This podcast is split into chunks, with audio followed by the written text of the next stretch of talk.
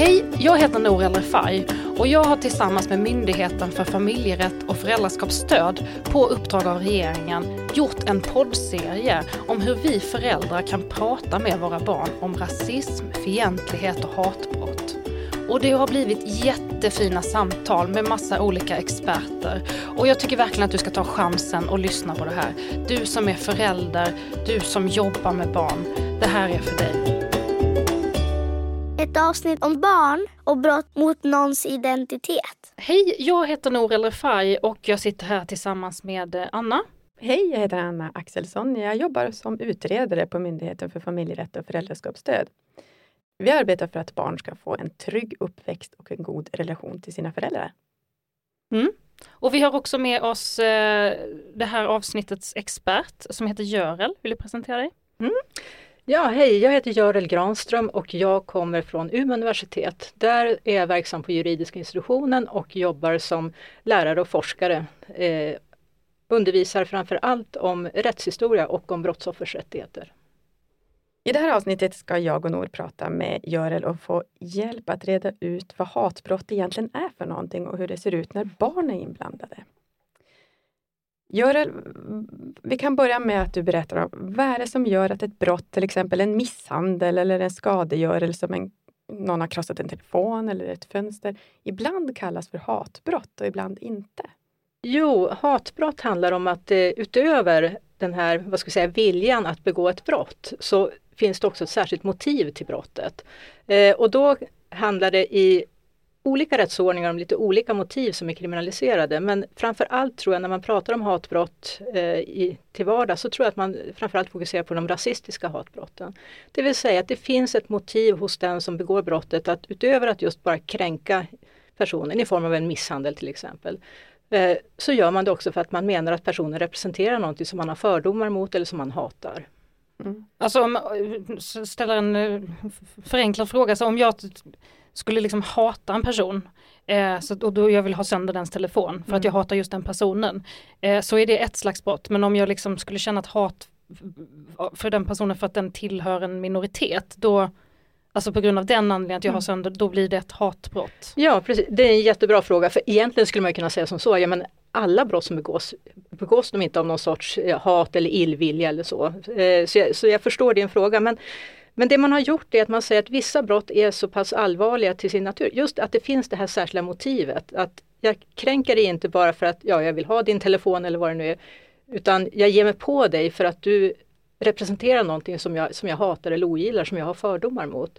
Och då är det så att i den svenska lagstiftningen så har man definierat ett antal grunder som man säger som, som är särskilt skyddade. Eh, och då handlar det till exempel om etnicitet, det handlar om religionstillhörighet, det kan handla om sexuell läggning eller könsöverskridande identitet och uttryck. Eh, och eh, det handlar också om hudfärg. Så med den här uppräkningen så vill jag egentligen säga att alla former av hat omfattas inte av den svenska hatbrottslagstiftningen. Utan lagstiftaren har valt ut ett antal grunder som man menar att den här, de här motiven, de måste man reagera starkare mot. Eh, och det här har ju historiska förklaringar. Alltså varför ser lagstiftning ut som den gör? Jo, det beror oftast på att man, det finns en, en historisk utveckling. Jag är ju rättshistoriker i grunden så jag kopplar gärna till, till hur, hur lagstiftning har vuxit fram. Och här i det svenska sammanhanget så handlar det om att det var framförallt den antisemitiska brottsligheten som man reagerade mot under andra världskriget. Alltså det, det som, som nu, judar blev utsatta Precis, för. precis. Eh, och det som man nu talar om som hets mot folkgrupp och som faktiskt kriminaliserades redan efter andra världskriget. Eh, och då var det just eh, härkomst och eh, trosuppfattning som man kallar det då. Men sen i och med att samhället utvecklas, i och med att de här, vad ska vi säga, att människor tar sig rätten att kränka andra individer just utifrån vad de har för identitet eller vad förövaren tror att de har för identitet. Så har man, ja, senare fram på, ja, på 1970-talet och framåt så har man kriminaliserat fler och fler sådana här grunder. Och det är då det som kanske egentligen mest fokus på den rasistiska brottsligheten. Efter att Sverige i slutet på 60-talet eh, tillträdde rasdiskrimineringskonventionen så ja, förändrades lagstiftningen också i den här frågan. Och sen om man tar sig lite längre fram på 1990-talet och framåt så ser vi att då är det eh, Då tittar man också på frågor om sexuell läggning för man uppmärksammade då att framförallt homosexuella blev mer och mer utsatta. Så då tillförde man grunden först homosexuell läggning men sen just sexuell läggning som omfattar både heterosexualitet, homosexualitet och bisexualitet. Och den senaste grunden eh, som lades till det är könsöverskridande identitet och uttryck, alltså det som man i dagligt tal kallar transpersoner. Men det låter ju ändå lite svårt för att jag tänker att man får ett, ett tuffare straff om, om man kan visa i domstolen att det är frågan om ett hatbrott. Men betyder inte det också att man måste på något sätt ta sig in i gärningsmannens huvud och ta reda på var det någon bakomliggande mm. syfte med det? Det låter svårt. Ja, jo och det återigen, det, det är en väldigt bra poäng för att eh, om man tittar på brottslighet generellt, alltså hur, vilket jobb polisen och åklagaren har för att kunna visa att jo, men den här person, det är just den här personen som har begått brottet och det har hänt på det här sättet. Då handlar det om att man ska kunna visa att personen hade uppsåt, alltså att man ville göra det här. Men i de här hatbrotten så handlar det också om att åklagaren och poliserna då måste kunna visa att det fanns inte bara ett uppsåt utan det fanns också det här särskilda motivet. Och då är det, precis som du säger, det kan handla om att man på något sätt måste ta sig in i huvudet hos gärningspersonen. Och hur gör man det? Det, det är ju ja, jättesvårt. Alltså det man, gör, det man har pratat mycket om eh, när det handlar om forskning om hatbrott, det är att hur kan polis och åklagare bli bättre på att utreda det här? Och då handlar det om vilken sorts bevis kan man samla? Men det här är ju liksom juridiken kring det och de allra flesta fall kommer ju inte så här långt. Och särskilt inte när det handlar om ja, det som vi ska prata om idag, om, om barn som utsätts för, för hatbrott och rasism. Så jag menar, barn är inte straffmyndiga. Det, det ska liksom, oftast, i alla fall om de är under 15 år, så kommer inte de här frågorna till, till domstol. Så att, eh, men det, det, är många olika aspekter som man kan fundera på och det är inte ett lätt brott att bevisa. Jag tänker den här liksom, podden riktar ju sig till föräldrar mm. eh, som ja, alltså oavsett om man har liksom varit drabbad eller inte kan då liksom ja. lära sig mer om detta och det låter ju ändå som att de här lagarna är relativt nya. Mm. Och att de har kommit säkert då i takt med att liksom, man har fått mer rättigheter, att man har förstått ja. att liksom, ja, men homosexuella ska ha samma rättigheter och då har man också accepterat att det är ett hatbrott och så vidare. Ja. Men jag tänker liksom eh, att om ens barn blir mobbad till exempel, alltså mm. kommer hem och berättar att eh, den är utsatt för mobbning och så känner man som förälder att det här är något annat, liksom. Mm. eller något annat men det, det, här liksom är på grund av um, mitt barns hudfärg till exempel. Mm hur, hur kan man liksom, hur gör man skillnad på det eller hur, hur får man mm. liksom, hur ska man göra då? Att så här, men det här är inte bara man tar ju, man, det är ju väldigt allvarligt att man blir mobbad också. Ja. Men... Mm. Jo och det här, äh, skolan har ett stort ansvar. Skolan har ett jättestort ansvar faktiskt. Det är ju de som, jag menar händer i skolan så är det ju skolans personal som, som har en skyldighet att eh, eh, utreda, anmäla och så vidare. Men eh, Sen så handlar det också om, vad, ja som sagt din fråga var väl vad, vad kan man som förälder göra? Eh, återigen, jag tänker det handlar lite grann om vilken arena man är på. Är det skolan, ja men då pratar man förstås med, med lärarna, med rektor och så vidare. Men det är inte alltid att man känner att man får ett gehör där. Eh, det kanske inte tyvärr så finns det exempel på att eh, på många skolor så, så, tar man inte det här riktigt på det allvar som, som jag kanske tycker att man borde göra. Man säger att ja, men det här är, det är ett bråk, eh, lite tjafs barnen emellan och det är säkert inte så allvarligt och man ska inte vara så känslig och så vidare. Men jag menar att jo, men man måste markera, man ska ta det här på allvar. Eh, jag tror ju väldigt mycket på att prata, prata, prata, prata, det vill säga att man som förälder i den bästa av världar redan innan sånt här händer, att man pratar med sina barn om att det här kan hända så att det finns en beredskap. På det sätt som man förhoppningsvis alltid gör med att, ja, men det här med hur man är en bra kompis och om det händer någonting, vem kan man prata med och så. Eh, men är man då i skarpt läge och det faktiskt har hänt och barnet kommer hem och berättar, ja, ta kontakt med, med läraren, ta kontakt med rektor. Funkar inte det, ta kontakt med socialtjänsten skulle jag säga. Eh, och eh, ja, men det är inte enkelt det här för att det, men, men ja det finns ju också skolkuratorer förstås, skolsköterskan och så. Men frågan är vilken beredskap som finns ute på skolorna. Det här tänker jag, det här är också delvis en fråga för de som jobbar i skolan mer. Men jag tänker ju så här att språkbruket, eh, vad man accepterar i, i skolan tror jag, där skulle jag nog gärna se att man tog det mer på allvar. Att inte bara säga att jo, jo men det är sådär som barnen uttrycker sig och det betyder inte någonting. Ja, men att man då tar tag i det och säger att vad kan det här få för konsekvenser för andra om du pratar så här.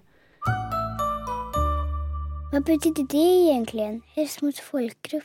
Du gör jag vet att man inom hatbrottsforskningen brukar säga att hatbrott skadar mer. Kan du förklara vad man menar med det? Mm, eh, och, jo, då handlar det ju just om det här att det är klart att man eh, blir du utsatt för, för en misshandel eller alltså, ja, eh, en kränkning på något sätt, det är klart att det skadar. Men alltså, att dessutom inse att det här var inte bara en, eh, ja, ett vanligt, en vanlig misshandel utan det här handlar om att någon har gett sig på mig för den jag är. Eller den som den här förövaren tror att jag är. Och då kan det ju finnas många olika aspekter i det här. Handlar det här om att ja, den här personen eh, trodde att jag var bög och jag inte är det. Det är fortfarande ett hatbrott. Det handlar ju som sagt som jag sa tidigare, det handlar om vad som finns i förövarens huvud. Så att eh, det spelar ingen roll om den här förövaren ger sig på en person och så, jag hatar bögar och nu ska ja, nu slår jag dig därför. Då spelar det ingen roll om, om offret inte, alltså oavsett vilken sexuell läggning den har så är det här ett hatbrott för att det var liksom det som var motivet till kränkningen. Men det är ju en sak, men just det här med att att inse som brottsoffer, oavsett om man är vuxen eller barn, att eh, jag har blivit utsatt för att någon annan har tagit sig rätten och tala om att jag inte passar in, jag har, ska inte få se ut på det sätt som jag gör eller vara på det sätt jag är. Eh, det här har man pekat på inom forskning att det här, ja, det här skadar mer. Det handlar om att offer för hatbrott blir oftast Eh, Eh, de blir oftast mer rädda än andra offer för att utsättas igen. För att man inser att det här är någonting som, ja, man pratar igen om att hatbrottsoffer är utbytbara på ett sätt. Det vill säga om vi har en förövare som har bestämt sig för att nu ska jag ge mig ut och eh, ge mig på alla som ser ut att ha mörk hudfärg, ja, men då spelar det ingen roll vem du är. Alltså det, går du förbi så, så finns ju risken att du blir utsatt. Just det att inte kunna förutse gör ju också att man Oavsett vad man tycker det här är bra eller inte, annars så kan man ju oftast tänka att ja, ja, men jag kanske inte ska gå den vägen för att jag vet att där brukar hända, hända saker. Men i sådana här fall, när man talar om hatbrott, så är det just det här att det, det är så oförutsägbart hur man, vem som då faktiskt blir offer för det. Så att därför så ökar rädslan för att utsättas igen om man har blivit utsatt för det här. Sen finns det också forskning som visar att offer för hatbrott eh, har större tendens att bli deprimerade, att må dåligt efteråt helt enkelt. Just för att det, det handlar om någonting som, som är en sån central del av ens personlighet. Eller också, det kanske inte alls är en central del av ens personlighet, men man inser att det är andra som tar sig rätten att definiera att du passar inte riktigt in. Ja och det blir ju också att man kan ju inte fly från det, man kan Nej. ju inte skydda sig från det. Eh, jag menar om man blir utsatt för ett brott och säger att, att liksom personen, förövaren skulle åka fast då skulle det ju kännas säkert som en upprättelse. Men är det ett hatbrott så vet du att ja men det spelar ju ingen roll att just den personen eh, Det ena man brukar säga är att hatbrott skadar mer. Men det andra man säger om hatbrott är också att det är ett budskapsbrott. Och det, det här hänger ihop lite grann för att ofta så är det ju så att är, inser man att här, här utsätts den här personen just på grund av den, vad den är. Till exempel om vi tar en, en kvinna som har huvudduk det sänder ju en signal, ett budskap till andra som har huvudduk att jag kan också riskera att utsättas just för att jag ser ut på det här sättet. Så, och det är också något som man lyfter fram med hatbrotten. Inte bara att de riskerar att skada mer utan också att de sänder ett budskap till andra som identifierar sig med offret. Att rädslan också faktiskt når ut till dem på det sättet. Och det är därför som det också är så viktigt att, eh, att, att prata om de här brotten och att också försöka komma till rätta med dem på olika sätt. Ja, hatbrott är ju en juridisk term och syftet med lagstiftningen är att sända en signal om vad som enligt samhället är tillåtet och vad som är förbjudet. Och när man säger att någonting är, går från misshandel till att det är ett hatbrott, då tänker jag att hur, hur, hur fungerar den här signalen annat än att man kallar det någonting annat? Mm. Får man även ett hårdare straff eller hur, hur funkar det där? Jo men precis. Eh, det finns eh, om vi nu pratar lite juridik då, väldigt konkret juridik, så finns det alltså ett antal, eh, det finns inget som heter hatbrott i lagstiftningen, eh, men däremot så finns det då ett antal eh, delar av strafflagen som är möjliga att använda. Till exempel, vi har ett särskilt brott som heter hets mot folkgrupp. Vi har ett annat som heter olaga diskriminering. Men sen har vi också någonting som kallas straffskärpningsregeln och den, det är den som man då kan använda om det, åklagaren kan visa att det här är inte bara en vanlig misshandel utan det här, här fanns det också ett hatbrottsmotiv, alltså offret valdes ut av en anledning. Eh, och det som händer då i den rättsliga processen, om åklagaren presenterar tillräckliga bevis för det här, vi är tillbaka till det här med hur kommer man in i huvudet på folk och vet vad de egentligen har, har för motiv och så, men oftast så är det ju så att någon kanske har skrikit någonting eller man hittar annat material, till exempel ja, vad ska jag säga, rasistiska eh, tidningar och sånt. Alltså någon form som kan visa på att ja, men här, här verkar det finnas ett sånt här motiv. Eh, det det kan leda till då det är att straffet blir strängare. Det vill säga, för en, om, vi nu bara, om jag nu hittar på i stunden, den här misshandeln skulle, skulle ha lett till att personen fick tre månader i fängelse. Då kan den få fyra månader i fängelse, för, alltså en månad till för det här motivet. Det är det man talar om straffskärpning, alltså att längre tid i fängelse eller strängare böter. Ja det handlar inte om liksom du får ett år till utan det är Nej. liksom Ja. Nej. Mm. Och apropå det då, eh, det här är ju inte så stora, alltså det är inte så stora straffpåslag. Det kostar inte egentligen så jättemycket mer med det här hatmotivet. Och det kan man ju tycka olika saker om. Å ena sidan så kan man tänka sig att ja, men det borde ju, jag menar i och med att straff, hatbrott skadar mer så borde det också definitivt kosta betydligt mer att begå sådana här brott.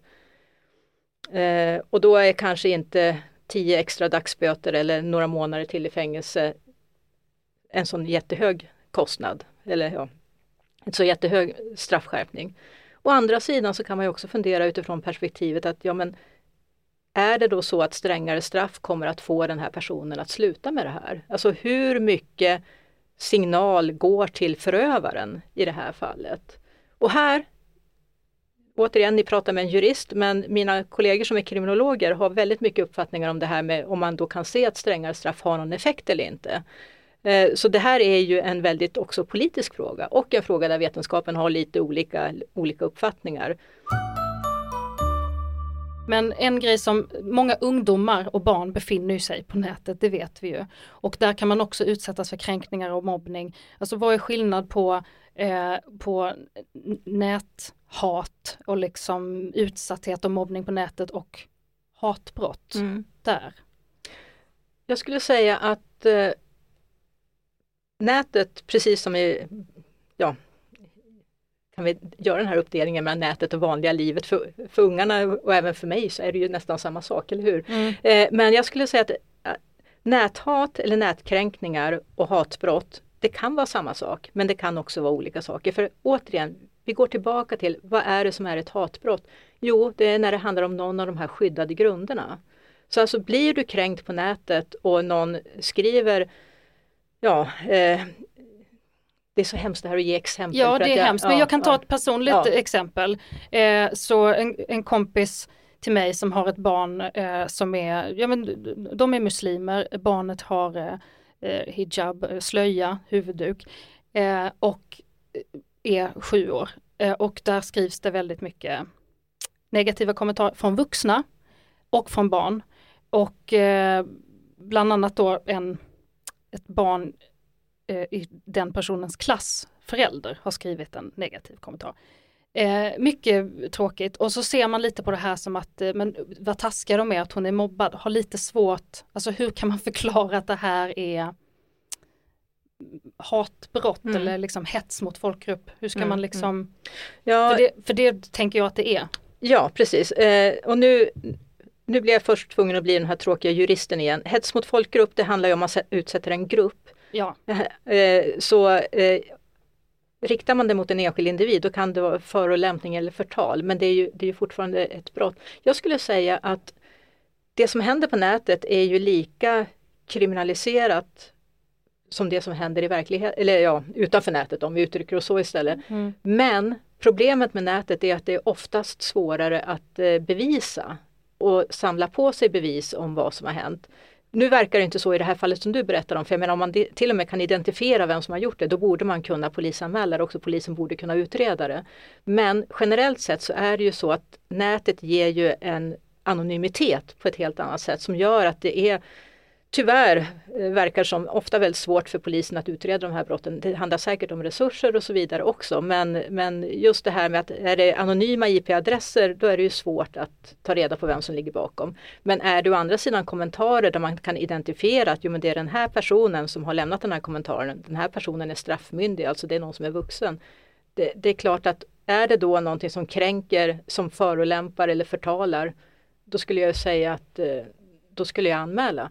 Sen kanske man inte vill göra det av andra orsaker, för det är ju så många aspekter som spelar in här. Men generellt sett, om vi ska komma tillbaka till eh, det jag för, tror att jag ville säga, det var just det här att eh, kränkningar på nätet är också brott, men de kan vara svårare att bevisa. Det är kanske det som gör att diskrepansen där eh, finns på något sätt.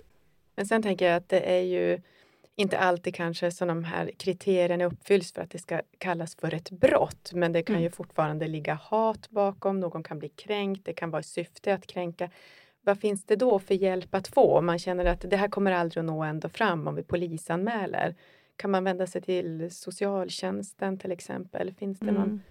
annan Jo, eh, precis. Alltså, jag menar när det handlar om, om barn och, och, utsatthet på olika sätt så finns ju alltid, eh, alltså, vi, vi talar om orosanmälan till socialtjänsten och, och jag menar det, det, kan man ju göra själv som förälder, att man säger att ja, men mitt barn är utsatt för det här eller också mitt barn utsätter andra för det här, vad ska jag göra? Jag har försökt prata med, med, med barnet, jag har försökt prata med skolan. Hjälp mig!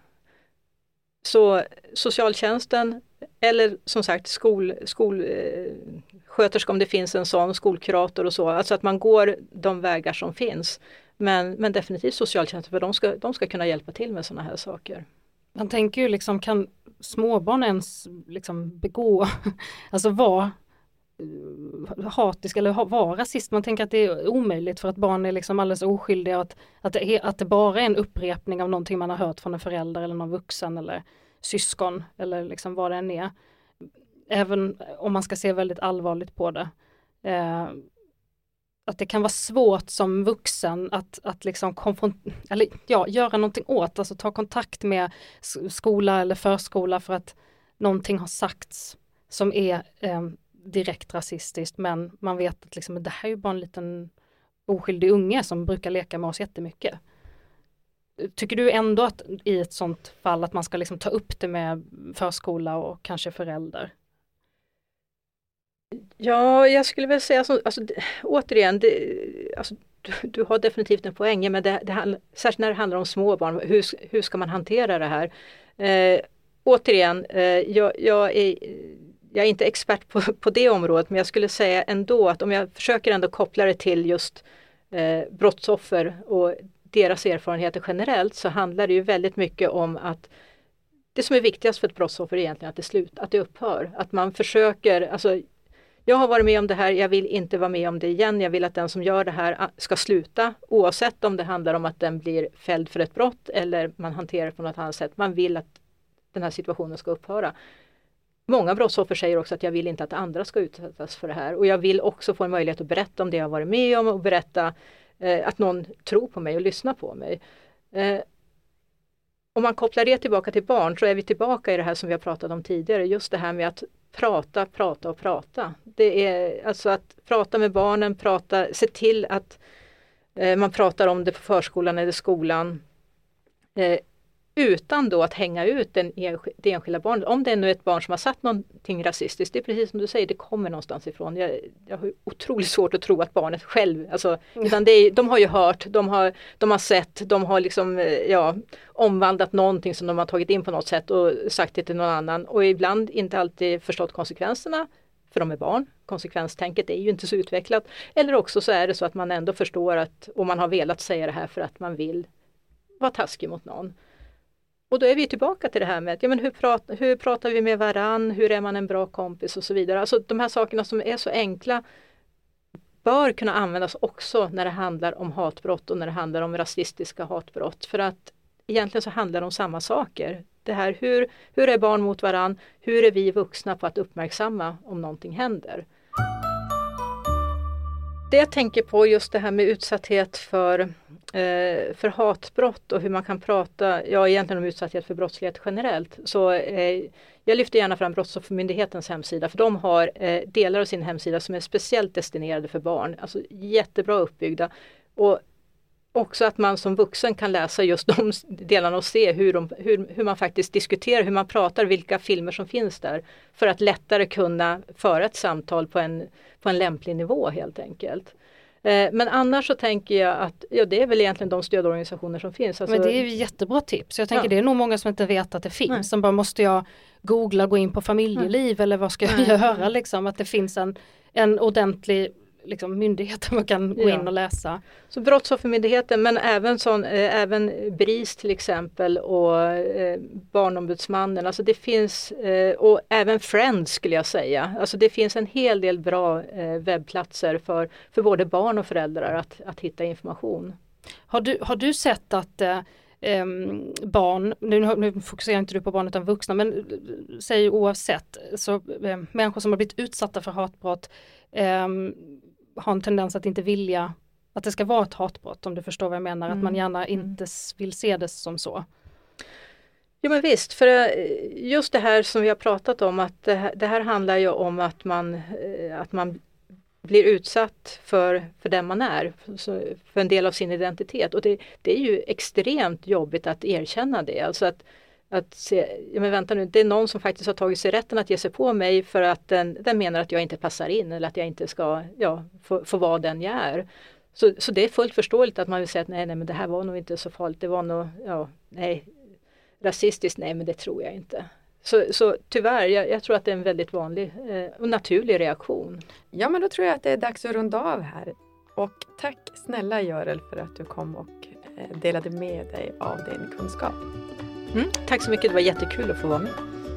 Du har lyssnat på poddavsnitt från Myndigheten för familjerätt och föräldraskapsstöd. Det är en statlig myndighet som arbetar för att barn ska ha trygga uppväxtvillkor och goda relationer till sina föräldrar. En sammanfattning av dagens program hittar du på mfof.se smalprat. Där hittar du också material som hjälper dig som förälder att vara beredd att prata om rasism, hatbrott och fientlighet. På mfof.se smalprat hittar du också alla andra avsnitt i den här serien.